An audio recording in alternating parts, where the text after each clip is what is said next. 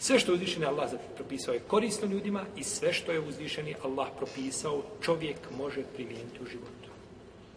I to nikada nije bio predmet spora među islamskim učenjacima. Nikad. Dvojica se o tome nisu razišli.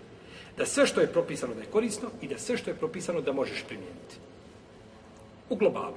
A ako dođe da zbog situacije i okolnosti određenu stvar ne možeš primijeniti, ima olakšica. Taman se to radilo, ne znam, i o najbitnijim stvarima.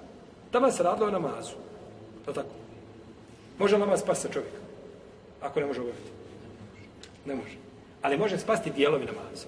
Ne može stojeći, može sjediti, ne može možeš na, na leđima, možeš, u mislima. Ne možeš nikako, more, ne možeš kazati ja ne mogu klanjati. A može u mislima.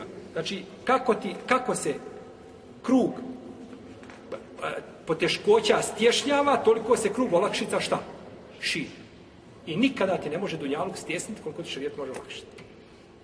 U svakom pogledu. Neka mi neko navede propis gdje ima u da se kaže moraš taman crko. Umri na mjestu tu gdje jesi, moraš, ne, nemaš izbora. Kaže, ja, ali to je nemoguće. Kaže, nema, nema nemoguće. Ja uradio to nema, ja uradio si jes kafir. Ja to ne mogu, to ne, ne, ne kaže moraš. Nema toga. Sve je vezano za čovjekovu šta? Mogućnost da nešto uradi.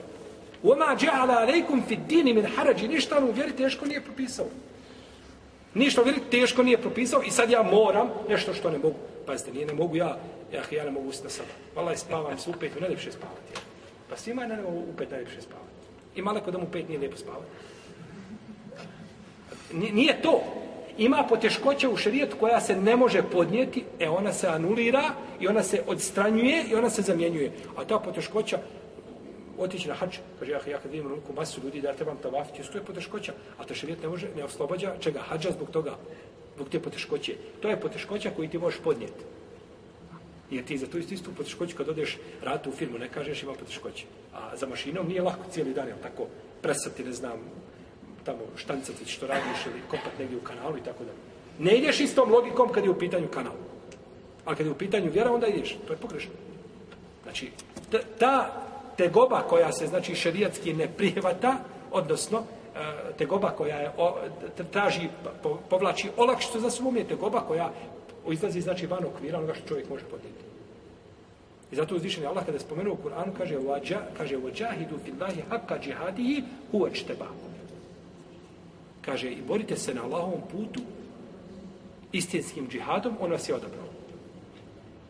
I uzvišen je Allah kao da kaže ovdje između redova nama, ako možemo tako kazati, ako ispravno tako kazati. E sada će biti moji robova koji će kazati ne možemo se mi boriti na Allahom putu, to je teško, to je ovo, to je ono. Odmah nakon toga dolazi kaže ajd kaže vama جَعَلَ alaikum fit dini kaže i vjeri vam ništa teško nije propisao. Da bi ti odmah izbio iz glave šta? Tu misao koju ti je šeitan, ne, ne možeš, ovo ti je teško, kaže, ništa teško nismo propisali, znači nema od te tvrdnje ništa koju, koju želiš postaviti kao šta? kao, to je više nekakva ovaj, e, ovaj, zamisao ili, ili ovaj strah od nečega i tako dalje, a nikako znači što je ljudi koji su govorili ja ne mogu, ja ne mogu sve razumjeti, ali pet puta dnevno klanjam, to nikako ne razumijem. Uglavnom nikako ne ide. Pet puta svaki dan. I nakon toga kad počne klanjati, nikakvi problem, sve ide normalno svojim tokom. Znači, kada je prvi put govorio da ne bi nikada mogao, Znači da je to sve šta opsihio, umislio, a u stvari nije to stvarnost, nego to može uraditi.